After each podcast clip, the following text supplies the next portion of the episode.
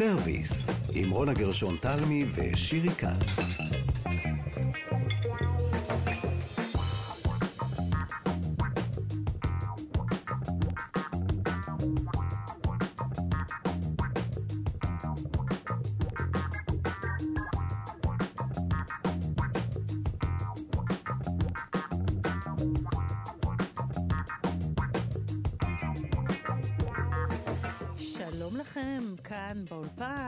שירי כץ ורונה גרשון תלמי. אנחנו uh, בתוכנית סרוויס עם אירה וקסלר ויוג'י גבאי, שגם הוא נמצא איתנו כאן. ואנחנו uh, גם uh, נספר על התדרים שלנו, שירי, שלא ישכחו אותה, 104.9, 105.3 FM, וגם באתר האינטרנט שלנו ובאפליקציית כאן אודי. אז uh, שלום לך, שירי כץ. שלום, רונה גרשון תלמי, כמה יפה את uh, מספרת על התדרים. חסרת מאוד כן. בחופשה שלך. אבל, אבל, אבל, אה, בואי ישר אה, ולעניין. חלקנו כבר לא בחל"ת. מצאנו, מצאנו מישהו שיעשה בייביסיטר למחמצת. את זוכרת את המחמצת הזאת שהתחלנו לגדל בסגרים? בוודאי, כל כך הרבה דיברנו עליה ושמרנו עליה. אז זהו, אז עכשיו היא נשארה לבד בבית, ואנחנו כבר אין לנו זמן יותר לעשות את ההדבקות האלה של גרגרי סומסום אחד-אחד על הבורקס. ואנחנו עדיין רוצים לאכול אה, בבית, למרות שעיתותינו לא בידינו. אז אה, מה אנחנו בעצם עושים עכשיו? מהיר ויעיל מול סלואו פוד. לאן עכשיו? מהיר וקל, זאת אומרת, עכשיו היה הפסח, ושוב אה, דפי העיתונים, מי שעדיין מדפדף בהם, התמלאו במתכונים האלה של להכין דברים נורא נורא מהר. אה, מעוגות שאפשר להכין ממש ממש מהר, עד הדבר הבא שגיליתי שיפתיע אותך, אה, חמין בחצי שעה. זה המקרה וואו, הקיצוני ביותר שמצאתי קיצון. ברשת. חמין עם בשר בחצי שעה? זהו, שלא. אוקיי, זה הרעיון יותר הוא שלא הגיוני. שמים בשר, וגם משתמשים בחומוס ושועית, שקונים בחנות שהם כבר מבושלים ומוקפאים. כן, כן. בעצם שמים הכל תהליכים. בשיר, והאם בס- נקרא לזה בסיר אחד. חמין, לא יודעת, אבל יש מתכונים לחמין בחצי שעה. אז רצינו לצאת ולבדוק רגע את העולמות האלה של המהיר, האינסטנט, התחליפים, האם הם באמת עובדים, האם אפשר לעשות אה, חמוצים בשעה, או שבעצם אנחנו מאבדים את כל האפקט של החיידקים. ואיך אנחנו שאלות. מרגישות לגבי זה? בדיוק, ולא רק. אנחנו, אלא המומחים שלנו. אז המומחים, אנחנו נעשה כן. כאן את התוכנית הזאת, והראשונים שזימנו לדבר על העניין הם אה, שני אנשים אה, חשובים ומכובדים. אה, האחד הוא אסף אביר. אה, מחבר לו ספר בישול, והבלוגר החביב עלינו. נכון, והשני מגרמניה, פרופסור נמרוד לוז, שהוא ראש רשות המחקר במכללה האקדמית כנרת, אה, גם אה, מגיש כאן פינה בתוכנית שלושה שאוכלים, שלושה שיודעים, של דודו ארז, וגם גיאוגרף תרבותי, פוליטי, שעוסק בהקשרים שבין תרבות, חברה, לעיצוב המרחב הבנוי. אפשר להמשיך ככה אפשר שעות. להמשיך. בואי, בואי נמשיך עם זה. פרופסור לוז עושה המון דברים. שלום לפרופסור נמרוד לוז. שלום, שלום, זהו, אחרי ההספד בואו ניפרד. בדיוק, זה הספיק, תודה רבה. היה נהדר, נפלא. זהו, מפה- אפשר רק לרדת. יופי של דברים אתה עושה, באמת. אה, ושלום לאסף אביר. אהלן. אהלן. אז את האמת, אסף, שזה התחיל מדיון שראינו... אה, אצלך בקבוצת הפייסבוק. האוכל, קבוצת האוכל שלך. אה, מישהו שאל שם בתמימות רבה על סיר לחץ. לא ידע, הוא לא ידע מה הולך להתפוצץ שם בעקבות השאלה התמימה שלו. נכון? כן. אז קודם כל, מה זה אבל סיר לחץ? תסביר.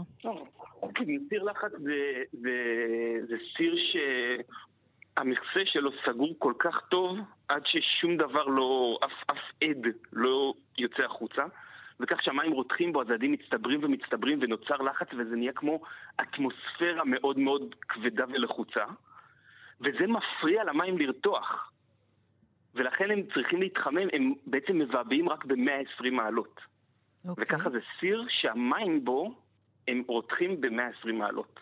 רגע, אבל רק נגיד שיש שם איזה שסתום שמשחרר משהו, אבל באופן מבוקר, כי אחרת זה היה פשוט מתפוצץ, כן, לא? כן, כן, כן, טוב, יש אסתום, ו- וכן, הוא משחרר קצת, ואז לפני שפותחים אותו, בשביל שדברים יתפוצצו רק, רק בפייסבוק ולא במטבח, אז, אז צריך להרים את השסתום שכל, שיצא הסילון המפחיד הזה, אה, עד שהוא נרגע, אבל, אבל, אה, אבל זה, זה, זה הרעיון שלו. המים הרי, המים שלנו רותחים במאה מעלות בתנאים המסוימים של העולם.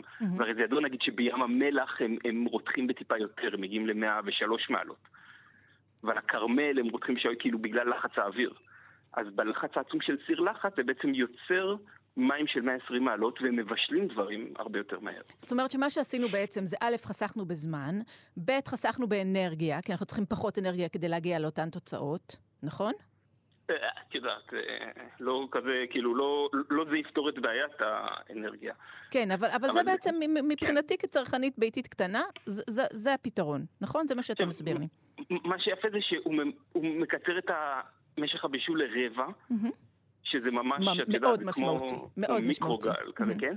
אבל הדבר הזה הוא כבר בין איזה 350 שנה. כלומר, זה הגאדג'ט המגניב הכי מוקדם נראה לי שעדיין איתנו. טוב, רגע, אז בוא נעצור אותך ונעבור לנמרוד. כי אה, נמרוד, מה שהיה לו לומר... אה, בואי נשאל אותו מה הבעיה עם זה, שנמרוד יגיד מה הבעיה עם במשפט זה. אחד שהוא כתב שם, זה היה נהדר. סיר לחץ כתב פרופסור נמרוד לוז, הוא עוד ביטוי כל, למרחק שאנחנו עושים מבישול והכנת אוכל המכבדים את האדמה. קדימה, נכון. קדימה, דבר על זה. קודם כל, שאני רוצה שציבור אה, מאזיננו ההולך וגדל ידע שבין אסף לביני יש אה, ידידות שמתפתחת כבר הרבה מאוד זמן, בשלב זה לצערי היא וירטואלית, כי אני מאוד מוקיר ואוהב את מה שאסף עושה. אתה הולך לפוצץ אותו אז עכשיו, אני בשבילי שומעת לא וירטואלי, הזה הולך. להתבקע. זה היה מלכודת הדבש ועכשיו כן, זה. קדימה. לא, בשבילי תראו, זה לא ה- וירטואלי, אני רק אומר. לא, כי עוד לא הגעת אלינו לגליל לארוחה כמו שסיכמנו. זהו. ועכשיו קצת יהיה לך יותר קשה בחצי שנה הקרובה. אבל עכשיו ברצינות, תראו. כן. השאלה שעלתה שמה היא באמת שאלה מאוד מאוד תמימה של אה, יצור אה, מודרני או פוסט מודרני שחי בתוך מערכת של אילוצים נורא נורא גדולה. אה, אגב, חלק מהסוגיות שכולנו עוסקים בהן בכל מה שקשור לאוכל זה הבורות האינסופית שאנחנו מגלים. זאת אומרת, אחד הדברים שהסיטואציה המודרנית עשתה לנו זה שאנחנו הולכים ומתנתקים מהדבר הכי בסיסי של חיינו. ואנחנו מכחישים שהוא הכי בסיסי של חיינו, כי המציאות מאפשרת לנו את ההכחשה הזאת. אבל מה יותר בסיסי מלהזין את הגוף שלנו באוכל? זאת אומרת, המין האנושי עוסק בזה אה, שני מיליון שנה, והוא ימשיך לעסוק בזה כל זמן שהוא יתקיים, אי אפשר בלי זה. בתוך הדבר הזה, השאלה הכביכול תמימה הזאת בעצם פתחה פתח לדיון שבעיניי הוא דיון מרתק ששואל את עצמנו שאלות על מי אנחנו בכלל.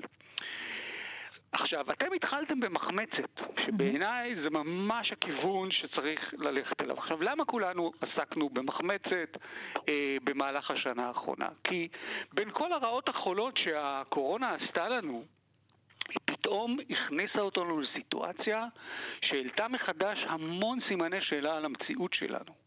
על המציאות שלנו כמו שאנחנו רגילים לחיות אותה. זאת אומרת, הקצב הבלתי נתפס של הדברים, הניידות שלנו שגורמת לנו גם לפתח אה, מחלות מודרניסטיות שאף אחד לא הכיר לפני זה, העובדה שחלק גדול מאיתנו עובדים המון המון שעות, ובסוף היום כל מה שחסר לרובנו זה זמן.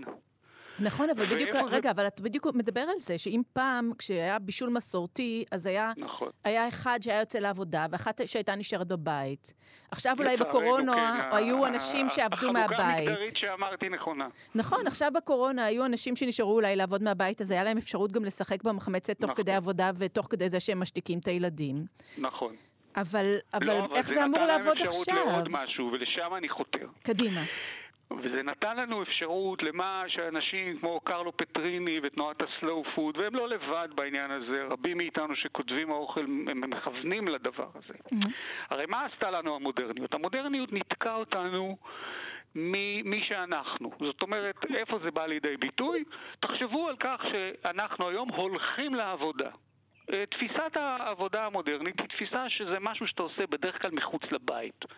בעולם הפרה-מודרני, בית ועבודה זה היינו הך. ואז בני המשפחה שיצאו לעבוד בשדות הסמוכים, חזרו כולם, אכלו ביחד, זה היה אה, אה, בלתי בכלל נתון למחלוקת. המודרניות שברה את הרצף הזה והפכה אותנו לאינדיבידואלים שאוכלים את רוב הארוחות שלנו במנותק מהמשפחה שלנו ובעיקר ב, אה, לא ליד הבית שלנו. ואז נוצרו כל התהליכים שיצרנו של אה, הסופר, של המסעדות, של הטייק-אווי, לא חשוב, כדי לפצח את הבעיה הזאת. עכשיו, מה עשתה הקורונה? הקורונה פתאום נתנה לנו זמן. זמן שלא היה לנו כי הוא נלקח מאיתנו בטיסות לחו"ל, בצרכנות, בכל מה שאנחנו עושים כל הזמן, ובעיקר בזה שאנחנו פשוט לא שפויים בכמות העבודה שאנחנו עושים, ומדבר איתכם מישהו שהוא ללא ספק יכול להיות מוגדר כוורקוהולי. ו, ופתאום השקט הזה, הדממה הזאת, האי ידיעה הזאת, התפתחו לתוך איזה מהלך באמת יפה, שאני עסקתי בו בלא מעט מהפינות בשנה שעברה. הסיפור הזה של זמן. זמן כפקטור בתוך המהלך המרשים הזה שנקרא בישול. שהוא חלק שהלך לאיבוד בתוך המודרניות, וזה לא סתם מה שאסף אמר, שהמכשיר הזה הוא איתנו כ-350 שנה. משום שאנחנו מנסים להבין את התהליכים של המודרניזציה, הם באמת מתחילים ברנסאנס פלוס לתוך המהפכה התעשייתית. ופתאום אנחנו נהיינו כולנו אובססיביים לעניין הזה של זמן. עכשיו, אנחנו כל כך אובססיביים לעניין הזה של זמן, שאין לנו זמן לשום דבר. ומה שאני בעצם הערתי בהערתי שם, שאגב זכתה לחלק מהתגובות של אנשים שמאוד מבינים באוכל. אה, התגובות לא היו רחוקות מלהיות אידיוטיות, הן היו מאוד לעניין והם נזפו בי על כל מיני דברים שכביכול ההערה שלי התעלמה מהם. אבל על מה כוונה ההערה? ההערה אמרה, שימו לב, למה אתם רוצים בכלל לחסוך בזמן בבישול? למה שמישהו יהיה מוטרד אם לבשל את החומוס שלו או את החמין שלו ייקח 12 שעות? כל מה שצריך, וזאת הייתה טענתי במובלע שמה, זה לחזור לדברים הכי בסיסיים. לחזור ולחשוב על אוכל. אתה מתכנן את האוכל שלך? שים את החומוס ל-24 שעות במים, ביום ראשון. בשל אותו בנחת ביום שלישי, ותשתמש בו ברביעי חמישי, כמה שמתאים לך. מה, עושה, מה עושים כל הגאדג'טים? מה עושים כל המכשירים חוסכי הזמן האלה? הם מאפשרים לנו בעצם לא לחשוב על אוכל עד השנייה שאנחנו רוצים להכין את הארוחה. ולתוך הכיוון הזה אני כיוונתי. בואו נשתמש בהיבט החיובי שספגנו בשנה הזאת. ברפלקציה אפשרה, שהיא אפשרה לנו, ולא נמהר לחזור לשגרת היומיום שלנו בכל מה שקשור באוכל. כי, אחר, כי, כי אם אנחנו נעשה את זה, מיד נחזור לכל הצרכנות המטורפת ולעובדה שאנחנו מתנתקים, כמו שכתבתי שם. אנחנו מתנתקים מהדבר הכי בסיסי שיש לנו, מהאדמה. כי מה שהמודרניות עושה למין האנושי, היא מנתקת אותו מהאדמה. ולא סתם עתידנים שאני אגב לא מקבל את התחזיות שלהם, אבל זה לא בתחום ענייני, עתידנים רואים את עתידו של המין האנושי לא על כדור הארץ. זאת אומרת, כאילו שכל המהלך האבולוציוני שאנחנו עושים מכוון לזה של לנתק אותנו מהגוף שלנו, לנתק אותנו מהאדמה שלנו. וההערה הקטנה על הסיר לחץ בעצם החזירה אותנו לתוך הדיון הגדול הזה. זה, לשם כיוונתי את הדברים שלי בהערה, באמת, כמו שאמרתן, אה, מי, מי יכול היה לצפות שהיא תוביל לכזאת התפוצצות אנרגטית שם בדיון? אנחנו עדיין מגרדות את השאריות מהתקרה. אה, אסף אביר, אסף אביר, כדור הארץ קורא לך. א', זה באמת קבוצה של אנשים עם לבבות גדולים וחמים, אז אה, זה ברור שהם הגיבו ככה כש, כשמתנפלים לנו על הסיר לחץ. ואני גם אה, מקבל בעקיפין את, ה, את ההתנצלות שלך כלפי הסיר ספציפית. אבל, אה, אבל אני אגיד לך משהו. ישנו העניין, כאילו על הזמן אין לי הרבה, הרבה מה לומר כי אני, כי אני לא מבין בזה, וכאילו, וגם כדור הארץ, אני חושב שחוזים שנעזוב אותו פשוט כי הוא התקלקל, לא מאיזה, לא מאיזה אידיאל של, ה, של המודרניות. אבל אה, הייתי אומר שכאילו לא הייתי ישר משייך את הטכנולוגיה לדבר השלילי הזה שמנתק אותנו. כי למשל אנחנו בסביבה שאין לנו זמן ואז אה, הנה אנחנו כאילו כל הזמן עובדים ולא נמצאים בבית ו- וככה נשאר פחות ופחות זמן לאוכל שאפשר להחליף את זה. כאילו אפשר לאכול בחוץ, אבל הנה יש את הסלואו קוקר, הסיר אורז, שבעצם אפשר לעשות בו גולש, שאתה שם, שם בבוקר את הדברים ובערב מחכה לך משהו שהוא slow cooked. וסוביד שבכלל מנתק את ה... אחד הדברים הכי חדשים, שזה, שזה מין כמו סיר שיכול לחמם, אה, אה, אה, לחמם את המזון לטמפרטורה מדויקת. כלומר, אפשר לשים שם סטייק ולהחליט שהוא יהיה בדיוק מידיום רר בצבע הזה, בוא, מקצה בוא רק לקצה. נסביר שנייה שסוביד זה בעצם, אה, אה, יכול להיות כל מיכל אה, נירוסטה או מתכת, שאתה מכניס מהמם. לתוכו את המכשיר שיש עליו בקרת טמפרטורה, המים נשמרים בטמפרטורה קבועה, לתוך זה אתה מכניס שקית של נגיד חומר חכם כלשהו כמו סיליקון, שהיא אטומה לגמרי, נאטמת לגמרי, ובתוכה אתה מכניס את המזון כך שהמזון לא נרטב, אבל המים בעצם מייצרים את הטמפרטורה כן, הקבועה המדויקת. זה זה- כף חשמלית עם עם נכון, תרמוסטט חכם, יפה, בעצם. יפה, הגדרת, כן. אז, אה, אה, אז, אז הסוביד, בגלל, כיוון שהמהירות של הבישול היא תלויה בטמפרטורה, כלומר, סיר לחץ אה, מבשל ברבע מהזמן בזכות 20 מעלות מעל לבישול הרגיל. 120 מבשל ברבע מהזמן אה, 100 מעלות. אז סוביד שאתה יכול לדייק במעלות ממש של מצבי עשייה, אתה יכול להכין ארוחה נגיד, וזה יכול לקחת לך יממה וחצי. או 16 שעות שבהם המזון לאט לאט לאט אז בעצם אתה אומר לנו, הנה. טכנולוגיה חדשה, שמייצרת עוד יותר זמן, שכאילו עוד יותר צורך להשקיע זמן בבישול, כאילו הופכת אה, את הכל לא. איטי יותר, לא? היא מנתקת את, ה, את משך הבישול משגרת היום. אתה בכל מקרה, אתה, לא- זה לא שאם תתחיל שעה לפני זה יע- יעזור, או שעתיים לפני, או בדקה האחרונה, או שאתה צריך לחכות, אתה לא- לשבת יום מול השיש. זה מין חשיבה אחרת, אתה מכניס את, ה, את האוכל, אתה עוזב, ממשיך בחייך. כן, אתה יוצא לעבודה, וש- אתה לא חושש? אתה יוצא לעבודה כשאתה משאיר את הסוביד פועל? או הולך בטח, מה- לישון? מה, מה אני יכול לעשות? ממילא לי איך להשפיע. אם תהיה שריפה, אני לא יודעת, אולי תוכל להשפיע על ידי אזעקת אה, מכבי אש, אבל מה אני יודעת? עכשיו הלחצת אותי, מזל, מז- כאילו עכשיו שצריך לצאת מהבית, אני לא יודע מה נעשה, אני חושב. אז זהו, אז תבטל אה, עבודה, ופשוט אה, תקדיש את חייך לסוביד. זאת, אני, חושב ש, שהטכנולוגיה של בישול, ואני מכליל בזה גם את המיקרוגל, וגם כל מיני תנורים חדשים, וגם כל מיני דברים שאת את יודעת, אומרים, מה, שהגיע אחרי שאתה בן 30 זה, זה, זה סטייה מדרך הטבע. יש את- הדבר הזה, כל מה ש... עד עד שאתה בן 30, כל דבר חדש הוא מגניב הדבר הבא, ואחרי גיל 30 זה סטייה מדרך הטבע. אז אני אני- שמעתי שמישהו אמר לפרופסור לוז אה, בומר? זהו, זהו, אני, אני, אני ממש... לא, לא בומר, אה, נשמע לי יותר זקן ממשיך, כן. אסף ללא ספק ממשיך את ההספד שאתם עשיתם. אני מבין שאנחנו תכף צריכים להיפרד, אני, אני באמת אכתוב פה איזה תרגיל. דיברתי על לא, עצמי לא, וה- והאתגרים כן, שלי. כן, כן, כן. אבל היה פה מהלך גילני, היה פה מהלך גילני שאנחנו נדון בו בפרטי, אבל אני רוצה להגיד אנחנו משהו. נדון בו מיד, איך- ששירי ו...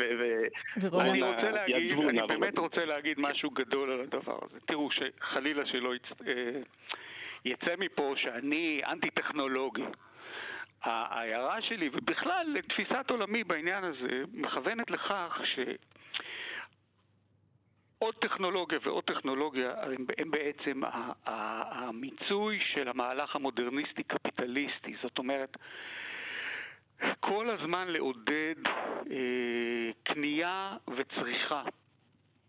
אה, ויש לזה אין סוף, אה, אין סוף אה, הסברים ותירוצים ויופי של מכשירים והסלואו קוקר אני מכיר אותו ויש לי אחד כזה בבית ובאמת אפשר לעשות שם דברים מאוד מאוד נחמדים.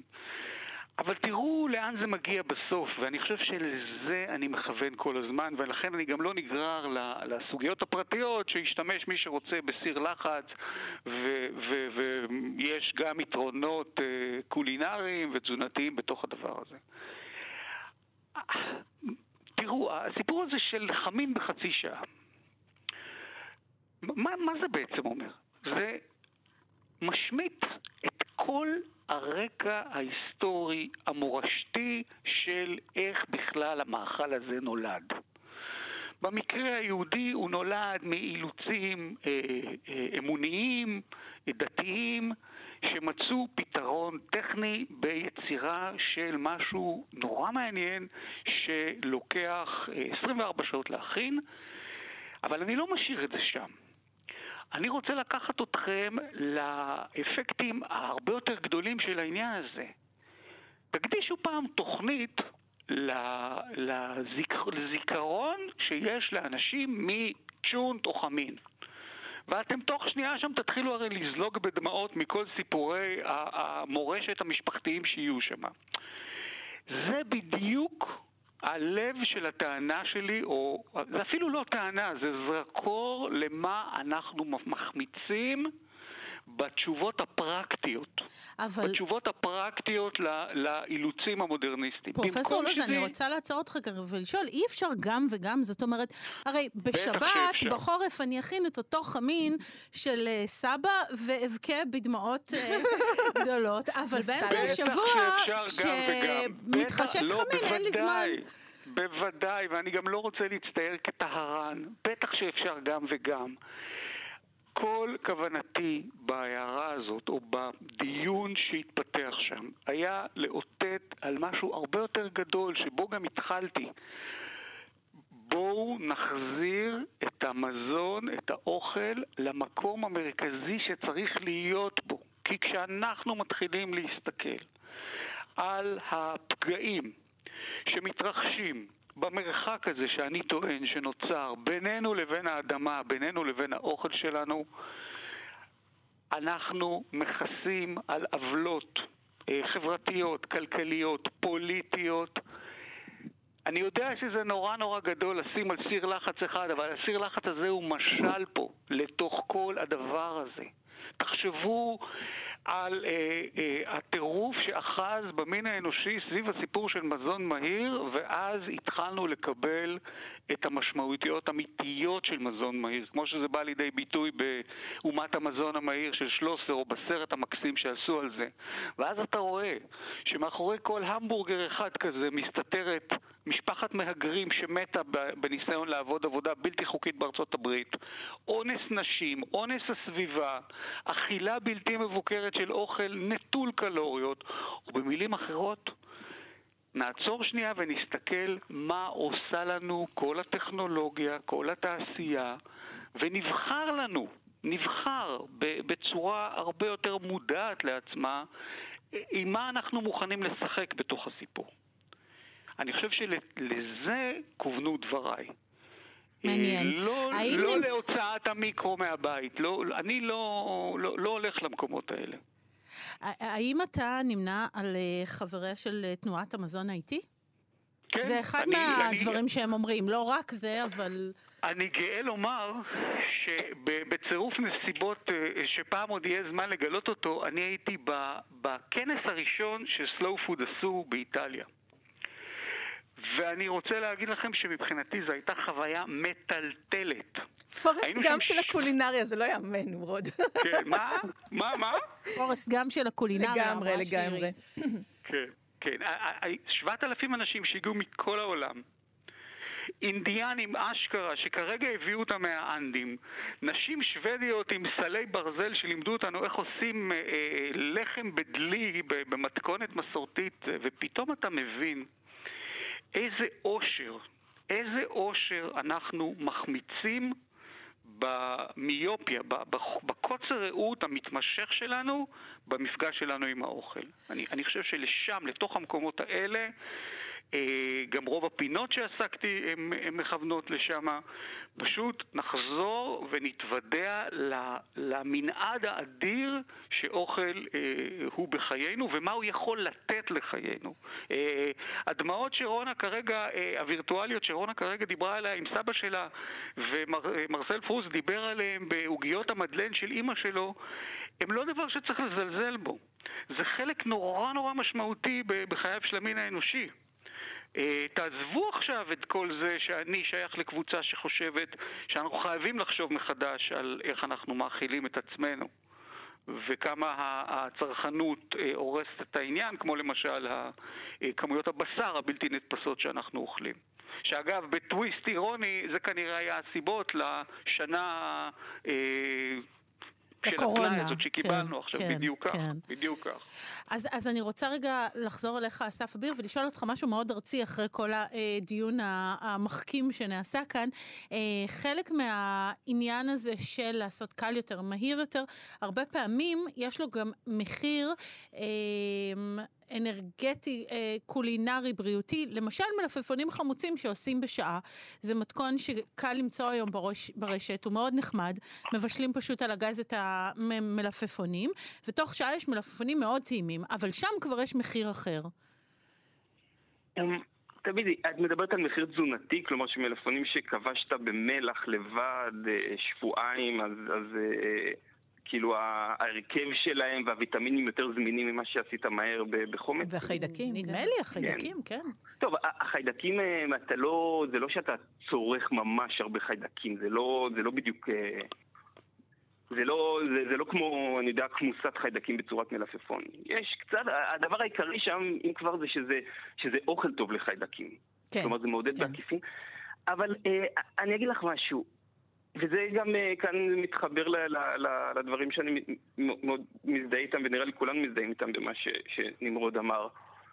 אה, זה שכרגע אנחנו אוכלים באופן שאת יודעת, אם אני אוכל עוד אה, פעמיים לבן בשבוע, או שאני אעשה את החמוצים ככה או ככה, זה לא יהיה איזה מהפכה בבריאות שלי. אוקיי, יש לנו איזו תפיסה, לפעמים אנחנו מדברים על, על מאכלים שהם כאילו, זה סופר פוד וזה עם ויטמינים, וזה, אבל בפועל אוכל משפיע על הבריאות לאט מאוד.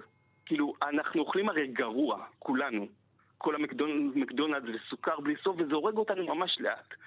אז אם את תקפידי ותעשי מלפון חמוץ כמו שצריך וקומבוצ'ה וככה, אז לאורך זמן את גם תהיי בריאה, אבל גם מאוד לאט. כלומר, לא הייתי, את מבינה, לא הייתי אה, פוסל או, או ככה מחרים משהו כי, את יודעת, פה כן. הוויטמינים נהרסים כי חיממנו את זה יותר, או ככה. זה שולי. בקיצור, זאת אומרת, צריך לשנות את כל התפיסה, לא המלפפונים האלה או הדבר המסוים הזה. התפיסה שאני ממליץ עליה זה לחזור לאכול בבית ולחשוב על הטעם. ואז אני חושב שני הדברים האלה פותרים את הכל.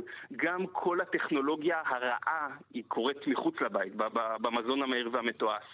כן, זה לא, זה לא air fryer שהורס את החיים או סוביד. וגם כשאתה בוחר לעצמך את האוכל, זה גם החומרי גלם היותר טובים הם אלה שנמכרים בשוק ונגישים אלינו ולא נכנסים לאריזות. בקיצור, לא, לא הייתי עושה לא חשבונות על טכנולוגיה ולא חשבונות על תזונה, אלא פשוט אוכל בבית וחושב על הטעם. טוב, יש לי הרגשה שהדיון בין שניכם, אה, אסף אביר ופרופסור נמרוד לוז, שיהיה אחרי התוכנית בהתכתבויות, יהיה מאוד מעניין.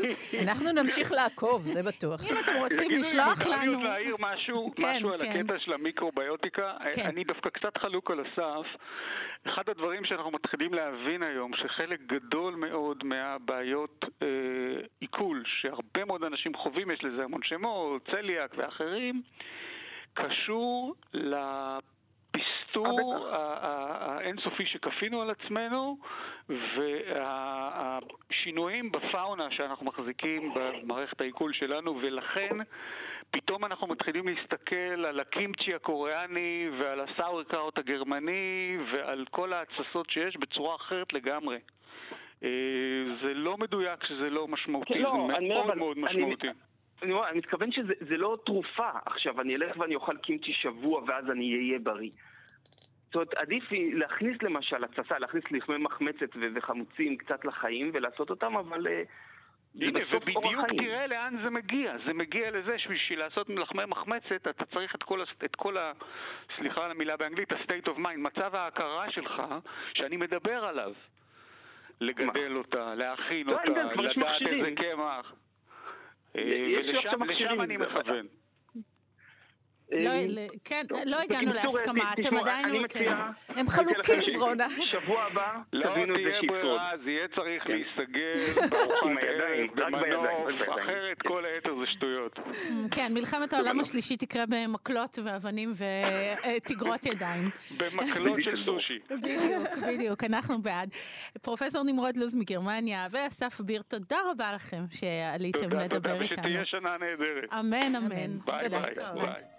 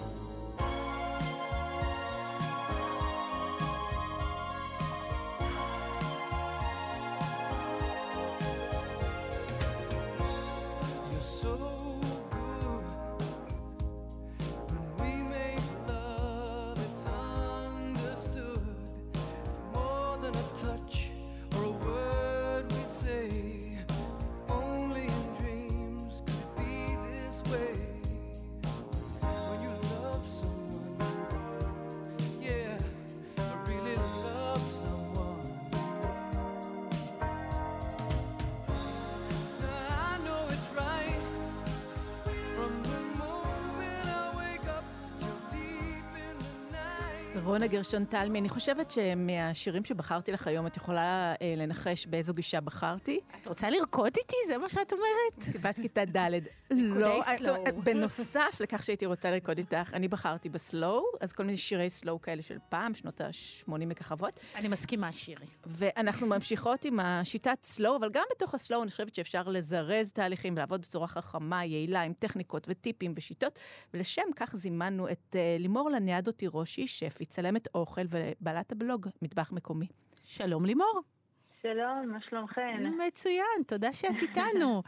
אז תשמעי, באמת, אה, בעיקר בחגים, פתאום צצים כל המתכונים האלה של אה, קל ומהיר, או איך תחסוך אה, לעצמך שעתיים במטבח. את אוהבת כאלה? את כותבת כאלה? אני מאוד אוהבת כאלה, אבל אני חייבת להגיד שזה, שזה די מאתגר.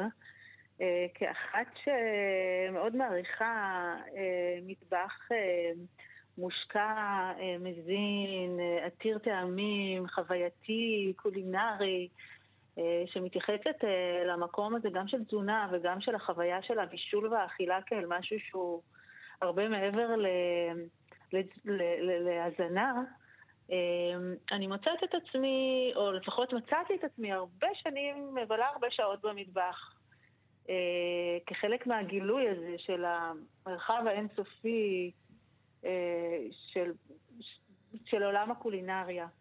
אבל עם הזמן ועם השנים ועם האילוצים, וגם אתם יודעות, לפי מהלך החיים, כשאנחנו אימהות לילדים קטנים אז יש לנו פחות זמן, או אחר כך כשמתבגרים פתאום אין כוח, או שיש כל מיני סיטואציות בחיים שיש יותר זמן או פחות זמן, אתה מנסה לייצר איזה שהן חלופות אחרות לזמן, אה, לפעמים הארוך שהמטבח דורש, אה, אבל יש פה איזשהו קאץ'.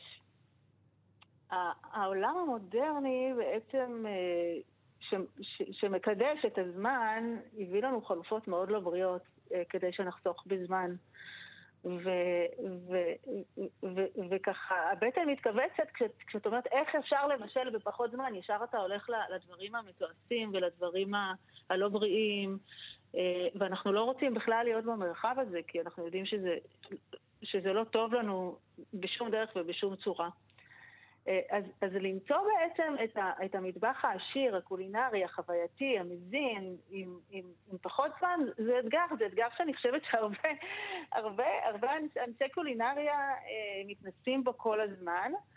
ויש, יש, יש, יש פתרונות, יש כל מיני דרכים, לפעמים קורים דברים ככה, שאתה אומר, וואלה, אפשר לעשות את זה בכלום זמן, ולפעמים אתה אומר, לא, אין, אין, צריך טיפה להקדיש את הזמן, אה, גם אם זה לטובת הבישול או אם זה לטובת ההכנות. אבל מה למשל? אה, תני לנו דוגמאות, מה אפשר לעשות? תראו, אני חושבת שאחד הדברים המשמעותיים ב... בהכנה של אוכל ש, שבעצם דורשת פחות זמן, זה קודם כל תכנון. המקום הזה שבו אה, מי שמנהל את משק הבית, או אם זה שני בני הזוג או אחד מהם, מתכנן בעצם את, ה, את, ה, את השבוע של, של, של, של, של הארוחות של בני המשפחה. ו, ו, וקונה את המזון, רק את המזון שהוא צריך לאותו שבוע, ואז גם מונע בזבוז. אה, ולא לקנות מכל הבעל היד בסופר. ועושה איזושהי, אפילו מין שלוש או ארבע שעות יום בשבוע של הכנה לקראת כל השבוע, בסופו של דבר זה חוסך המון זמן. סתם לדוגמה, הדבר הכי קטן, אפשר אה, באיזה שבת בבוקר או שישי או איזשהו, לא יודעת, לילה פנוי, לטגן שמונה בצלים אה, לקוביות ולשים בצנצנת במקרר עם שמן זית, ואז יש לכם בצל מטוגן וקצוץ שאפשר להתחיל איתו 100 אלף תבשילים כל השבוע, זה חותך זמן. אה, אפשר לבשל למשל סיר עדשים שחורות, או סיר של לוביה, או קוסמת ירוקה, או קינוע לבנה, אה, סיר אורז. אבל, אה, אבל בואי נגיד במקרר. שאנחנו נרצה שכל יום זה יגיע בפורמט שונה לחלוטין, כי אחרת יעקמו לנו את האף מהיום נכון, השני. נכון, נכון. אז אנחנו צריכים באמת להיות יצירתיים, ולקחת בעצם, כאילו, נניח אם את עושה סיר אה, קינוע, קחי סיר למשל קינוע, אז פעם אחת יכולה לעשות ריזוטו מקינוע, ולהכניס לו דלעת, או להכניס לו אה, אה, קשיו, או להכניס לו ברוקולי, או אספרגוס, או מה, איזה ירק שיש בבית. ביום השני את יכולה לעשות איזשהו סלט, ביום השלישי את יכולה להכניס אותו למרק. זאת אומרת, לא צריך שכל השבוע לאכול קינוע, כי אז באמת יגרשו אותנו מהבית.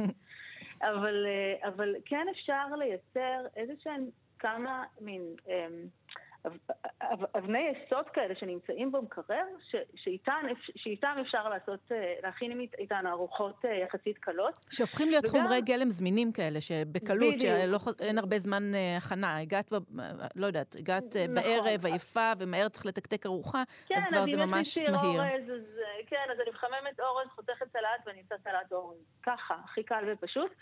אני חושבת גם שאם אני פורטת את המטבח לזמן שהוא דורש, אז מה שבאמת דורש הרבה זמן זה עבודת ידיים. אם אנחנו מדברים על ממולאים, על קציצות, על uh, בוריקיטס, על uh, עוגיות, זאת אומרת, כל מה שדורש איזושהי עבודת uh, מילוי, גלגול, כל, ה, כל הדברים הקטנים והאחד-אחד, הם באמת לוקחים יותר זמן. אז אפשר למשל לחסוך את הדבר הזה. אז במקום לעשות ציר... Uh, קציצות ואורז, קציצות לוקח קצת יותר זמן להכין, אז אפשר לעשות ציר אה, של למשל בחש. אתן יודעות מה זה בחש? אה, בוכרי, לא? כן, כן, זה אורז כזה עם בשר טחון. אה, עם בצל ועם מלא עשבים כזה וזה, עם מתובל עם לימון פרסי או עם בערה, תלוי מאיפה זה מגיע, בחש, יש גם סוג כזה עיראקי, או קיצ'רי עיראקי, או מוגרביה ערבית, זאת אומרת, אפשר לקחת למשל את כל עולם הקציצות ולפרק אותו לתוך תבשילים עם אורז, ואז זה בעצם סוג של בשר טחון. אה, ואז זה נור, זה נורא קל ופשוט, ובעצם אה, זה לא באמת דורש זמן, ועדיין נתנו לבני המשפחה אוכל מזין, לא מתועש, אה, חם, מבושל. כזה, כזה מין, זאת אומרת... עדיין כל... חוויית, חוויה מאוד ביתית, מגיעים הביתה, מריחים סיר כזה מהבילי, משהו ב... טוב, ואז גם אם לא עמלו עליו המון שעות, עדיין כיף לאכול אותו. בדיוק, אז... אז כל מה שדורש עבודת ידיים, אז צריך באמת, כשאין זמן, אז, אז פשוט לעשות על זה איקס, כי, כי זה באמת לוקח זמן. טיגונים למיניהם, חצילים מטוגנים, קובות מטוגנות, לא יודעת, כל מה שאתם מתגנים. אומנם שניצלים זה דווקא מהמזון המהיר יותר, אבל טיגונים לוקחים יותר זמן. אז למשל, טיפ ופטנט שאפשר uh, להשתמש בו בעניין הזה, זה למשל התנור. התנור הוא מיכל שיכול uh, לייצר לי... Uh, במרכאות טיגון בכלום זמן ובמינימום עבודה.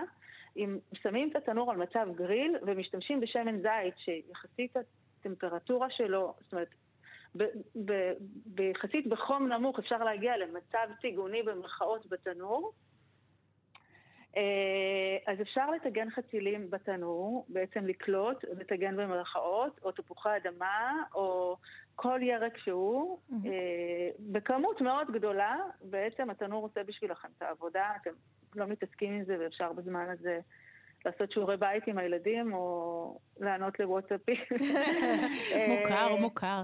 אז כן, תראי, לימור, כן. את לוקחת אותנו למקומות מאוד יפים, שלא חשבתי שאליהם נלך, אני שמחה עליהם, של אה, מחשבה קדימה, של תכנון, שבעצם תכנון חוסך את הזמן, ושל המון בריאות. אה, אני שומעת מסביב כל הזמן, הנה עכשיו היה חורף, אה, כל מיני אנשים שמגיעים מהעבודה, נורא מתחשק להם מרק, משהו שיחמם, ואז לכי תכיני מרק עכשיו, זאת אומרת, כשאת כבר רעבה, וכבר אין זמן, אז הם מחזיקים במקרר איזה ירקות קפואים כאלה בתוך שקית, אה, וזורקים אותם לתוך הסיר, תבלינים, 20 דקות יש מרק. מה את אומרת על דברים כאלה? אה, זה מרחב אה, יחסית מאוד מאוד רחב שיש בו קיצורי דרך. למשל, כל מה שקשור לירקות טריים קפואים, אולי אם יש לנו דקה אני אסביר מה המקפיא עושה לירקות הקפואים. Mm-hmm. אמ, בעצם אתה, אתה חי, אה, כל, כל ירק, כל, כל חי, כל דג, בשר, עוף, אה, שועית ירוקה, גזר, בצל שאתם מכניסים למקפיא, מה שהמקפיא עושה הוא בעצם אה, מקפיא את התא, את, את הקרום של התא, מייצר בו סדקים, ונוזל התא יוצא החוצה בזמן ההפשרה. ובעצם שועית ירוקה, אם תיקחו אותה, לפני שנכנסה לשקית, של, ה, אה, של הסטנפורד שלנו, או לא משנה, כל מותג אחר, היא הייתה שביעית ירוקה מאוד פריחה וטריה. כשהיא יצאה מהקפאה היא יצאה סמרטוטית. מה בעצם קרה לה בזמן הזה? בעצם המקפיא עשה לה איזושהי מניפולציה שהפכה אותה לפחות טעימה, פחות פריחה ופחות בריאה, כי הרבה מנוזל התא יוצא החוצה וכל הוויטמינים, מינרלים ונוזלי תא יוצאים החוצה. אז המקפיא זה לא באמת שאתה לוקח גזר, אה, קוצץ אותו, שם במקפיא, מוציא אותו ויש לך גזר קצוץ טרי, זה, זה לא בדיוק ככה. אה, אז אני קצת קשה לי עם הירקות הטריים הקפואים, אבל כן, אני חיה מאוד בשלום למשל עם הקטניות הקפואות. שהנזק שהמקפיא עושה להם הוא הרבה, הרבה, הרבה יותר, הוא מופחת. אמ, משהו, הן יותר עמידות, למשל כל החומוס הקפוא, השועית הלבנה הקפואה, העדשים, הם סך הכל די סבבה להשתמש איתן, והתוצאה היא בהחלט ראויה וקריספית וטעימה, ו... אז אז זה מאוד משתנה כשאתם אומרים לי קפוא על מה מדובר. אז את אומרת ירקות לא- פחות, לא... וקטניות זה כן. כבר יותר גדול. טוב, קטניות תשמעי. יותר כן. אם אני מסתכלת על זה מתוך עין קולינרית, אני לא מסתכלת על זה קצת בעין של זמן. בעין של זמן אתן צודקות. קחו את השקית אה, גזר, אה, כן. גזר בצל סלרי, נכון, זה חוסך לך את הזמן. ובמילא אתם אומרים במרק, במילא הגזר הופך להיות סמרטוט גם ככה, אז זה לא כזה משנה, אבל, אבל זה בסופו של דבר כן משנה בחוויית הטעם, כי עובדה שכשהולכים למסעדה טובה, לא תקבלו ירקות מ- נכון, משום, נכון. משום שקית. ואת אומרת, לא רק טעם, אלא זה ממש פוגם בערך התזונתי שלהם. זה פוגם בערך התזונתי ובמרקם, והרבה מהטעם שלנו הוא חוויה מרקמית, היא לא נכון. חוויה של, של טעם. טוב, אז תשמעי, אה, לימור לניאדו תירוש, אה, לימדת אותנו המון המון דברים, באמת, זה היה מרתק. תודה רבה על השיחה הזאת, ואנחנו נלך ליישם. תודה. תודה. בשמחה. להתראות. ביי.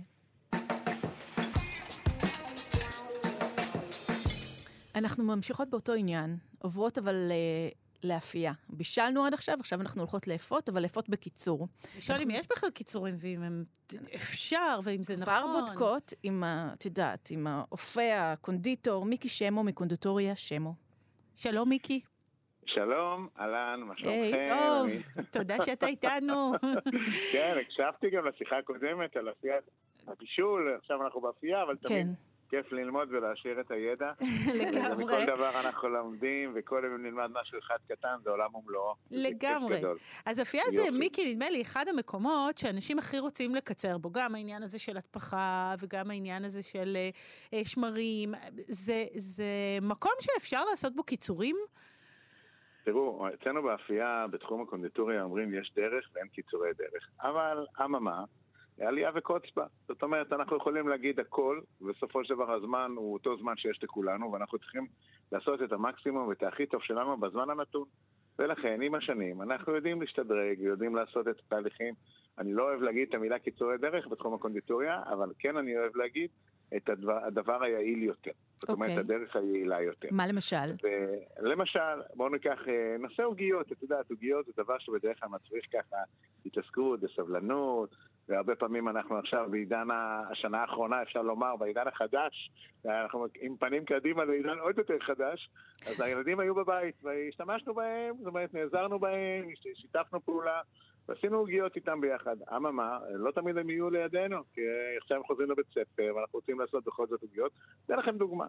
למשל, אה, אם אנחנו רוצים לעשות אה, עוגיות אה, ואנחנו רוצים לעשות כמות גדולה יחסית. לא משנה מקילוגרם אחד של קמח, הרבה פעמים אנחנו צריכים לרדד את הבצק, ואז מה שאנחנו עושים, אנחנו קורצים, mm-hmm. ונשאר לנו גם פחת, אתם יודעות שנשאר כן. לנו אחר כך בצק שבין ה... עיגולים או מה שקרצנו, mm-hmm. ואחר כך כשאנחנו מאבדים אותו שנית, אנחנו פשוט מקבלים מרקם מאוד uh, צמיגי וגומי. הוא פחות נעים לחך והוא פחות, uh, מה שנקרא, פריך. אז מה שאני מציע, טכניקה, זה פשוט מאוד לקחת את הבצק בגמר הלישה. בצק דווקא של עוגיות, שדיברנו על קיצורי דרך, על דרך יעילה, הבצק נקרא בצק קצר. למה בצק קצר? כי אנחנו לשים מעט מאוד זמן, עד שהבצק אפילו לא יפה, אבל הוא רק מתחבר. אבל הוא לא חלק, הוא לא יפה, כי זה בצק של עוגיות. מה שאני מציע כטכניקה, או השיטה, לקחת את הבצק, לחלק אותו לצורך העניין לשלושה או לארבעה חלקים זהים, וליצור פשוט מאוד בר, כמו גליל, כמו נקניק. להניח אותו על תבנית מרופדת או מגש מרופד בנייר אפייה ולהקפיא. פשוט מאוד, בשלב הזה מה שאנחנו מקבלים, אנחנו מקבלים לאחר חצי שעה, או אפילו פחות, אנחנו מקבלים מוצר שהוא בצק חזק ויציב, בצורה של גליל, ואנחנו פורסים פשוט מאוד עם סכין קטנה, חלקה, פורסים לעוגיות, ואז אנחנו מקבלים ללא פחת, אנחנו מקבלים יופי של עוגיות, כולם אחידות דרך אגב. מסדרים אותם ישר על מגש ומרופד בנייר אפיה, אותו מגש, תוקפים. תנור בזמן הזה מתחמם, כך שאנחנו לא, לא מבזבזים זמן. תגיד רגע אה, משהו בכלל, מה הגישה שלך לגבי הקפאה של בצקים? בצקים בדרך כלל שאנחנו מקפיאים, במידה ומקפיאים, זה בדרך כלל נמצא תמיד בתווך של בין אה, או סופי השבוע וליום ראשון או ערבי חג, ואז במידה ומקפיאים, במידה ומקפיאים ליומיים שלושה, אין שום בעיה. אין שום בעיה בשני טעמים. אחד, השמרים, אם מי שעושה בצק או עושה בצק שמרים, השמרים לא מאבדים מהכוח שלהם. בטווח הזה. מעל חמישה ימים, כן. חמישה ימים בהקפאה, הגישה שלי אומרת שצריך להגדיל את כמות השמרים מי שרוצה או רוצה. אבל לגבי עוגיות אין שום בעיה, גם יותר מזה, גם אם רוצים לשים בצקים במקרר, אפילו בצקים עם אבקת אפייה, עד 72 שעות אין שום בעיה. 72 שעות עם אבקת כן, אפייה. כן, עם אבקת אפייה, כן. אבל שוב פעם, מה שעומד אה, כעקב אכילס לרעתנו, דווקא הנושא של ביצים. ברגע שאנחנו משתמשים בבצק שיש בו ביצים טריות, אז אנחנו לא יכולים להשאיר את הבצק במקרר לאורך זמן. זאת אומרת, אנחנו מקררים אותו רק כדי שיהיה לנו נוח לעבוד איתו אחר כך. זה יכול להיות במהלך יום, 12-24 שעות, אבל לא יותר מזה. בגלל הביצים והרגישות שלהם. מה שכן, חזרנו לנושא העוגיות, אני רק אגיד לכם משהו כזה כאינסרט, אני יכול להוסיף לבצק שלי מה שאני רוצה בזמן הלישה, או לקראת סיומה, ואז אני למעשה, בזמן שהבצק ככה, אתם יודעות, בתוך המיקסר, אני מחליט להוסיף chocolate chips או סוגי אגוזים כאלה או אחרים, מוסיף את זה ממש בחצי דקה האחרונה, וככה זה מתפזר בבצק, מוציא ועושה את הנקניקים, עושה את הברים האלה. דבר נוסף, אני יכול גם ליצור range מאוד רחב של עוגיות מאותו בצק. זה סוג של התייעלות, כי אני יכול בסוף, לפני שאני מקפיא, אני יכול להבריש במים או בחלבון של ביצה, או בביצה ולגלגל, או בסומסום, או בסוכר דמררה, או בפילטים של שקדים מולבנים פרוסים, או באגוזי לוז שבורים, או מה שנקרא גרוסים, או שקדים גרוסים, הרבה אופציות. ואז אנחנו מקבלים למעשה מאותו בצק יופי של התייעלות, יופי של דבר, מקבלים הרבה הרבה הרבה סוגים. והנה קולקציה של עוגיות בהכנה של בצק אחד. נכון, בדיוק. עוד, עוד דבר אחד קטן ככה, שאם אנחנו מדברים בנושא אפייה, מאוד טרנדי היום לעשות בצק רווח.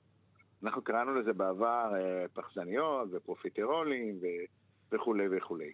בצק רווח, דרך אגב, מאפשר לנו לעשות המון המון דברים. אם כבר אנחנו עושים בצק אחד, אפשר לעשות ממנו, אני רק ממליץ, כן? לעשות, אפשר פחזניות, פרופיטרולים, לצפות אותם אחר כך, כמובן למלא, אה, לפני ולצפה, לצפות. אפשר לעשות מהבצק הזה אקלר, שזה ממש פחזנית מוערכת וארוכה. כן. אפשר לעשות מה, מהבצק הזה, אפילו, אני אומר עוד פעם, כמה שזה נשמע ככה, אפשר להוסיף לבצק הזה, לצורך העניין, אם זה שוקולד, אחרי שהוא כבר מוכן, אם זה אפילו קרם פטיסייר, אפילו ביחסים של 50-50, להשתמש בזה כמילוי. אם אני רוצה לעשות מאפה מבצק עלים מוכן, כיס גבינה או כיס כזה של קרם, אני יכול פשוט לקחת את הבצק הרווח שהשתמשתי ועשיתי פחזניות, להוסיף לו מעט או שוקולד או קרם פטיסייה ולהפות את זה בתוך בצק עלים ולקבל יופי של מאפה. מה עם משהו מלוח בפנים וזה חלק מארוחת הצהריים כבר? לא? אז אני ממליץ, כן. לגבי מלוכים, זה, זה, זה היה נקודת תורפה שלי. אמרת לי מלוכים, הפלת אותי דווקא מלוכים, אני אחד הבצקים שאהובים אולי ביותר, תתפלאו אולי לשמוע, דווקא בצק אלים. בצק אלים, פעם אחת שהוא ניטרלי, פעם שנייה שהוא יודע לקבל טעמים, גם מתוקים וגם מלוכים. דווקא במלוכים אפשר לעשות יותר מעבר, הבורקס המיתולוגי הישראלי שלנו, שכל אחד מביא מהעדה שלו, אפשר לעשות יופי של טוויסטים או מקלות מלוכים. פשוט מאוד, את הבצק העלים אנחנו בדרך כלל מקבלים אותו, רוכשים אותו ברשתות השיווק, אה, מפשירים אותו דרך הקירור, או לא הפשרה כמובן אגרסיבית בחוץ, אלא דרך המקרר. ואז מה שאנחנו עושים, אנחנו מוציאים אותו מהאריזה שלו, הוא גם מגודל, מניחים אותו על משטח עבודה מעט מקומח, ופשוט מברישים פעם אחת את ה surface שלו, את החלק העליון, ועל זה אנחנו מפזרים את הטופינג. זה יכול להיות גבינת פרמז'ן עם פפריקה ומעט קמח. זה יכול להיות תערובת של דגנים, ומעט קצח אפילו, שייתן ככה איזה boost של טעם שיש לו טיפה עוקץ. זה יכול להיות תערובת של סומסום עם מעט קצח. זה יכול להיות המון המון שילובים מאוד מעניינים. ודווקא במלוכים אנחנו יכולים לקחת פשוט גלגלת פיצה וליצור פשוט מאוד אחר כך, כמו מה שנקרא מקלות לרוחב של סנטימטר, סנטימטר וחצי, באורחים שונים, ולגלגל אותם פשוט מאוד כטוויסט. מה שנקרא ספירל. ואז אנחנו מקבלים מקל שבפנים מכיל כל מיני תערובות, אם זה מלוכות, יכול להיות גם מספי טיבול וזאטה ועוד דברים מעניינים.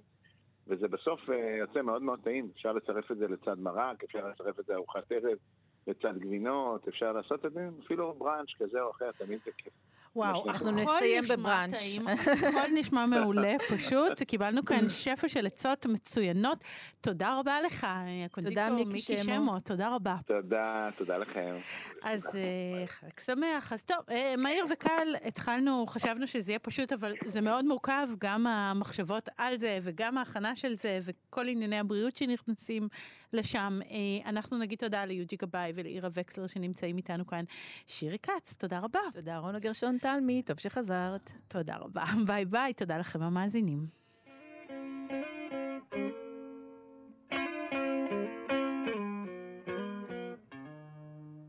Saw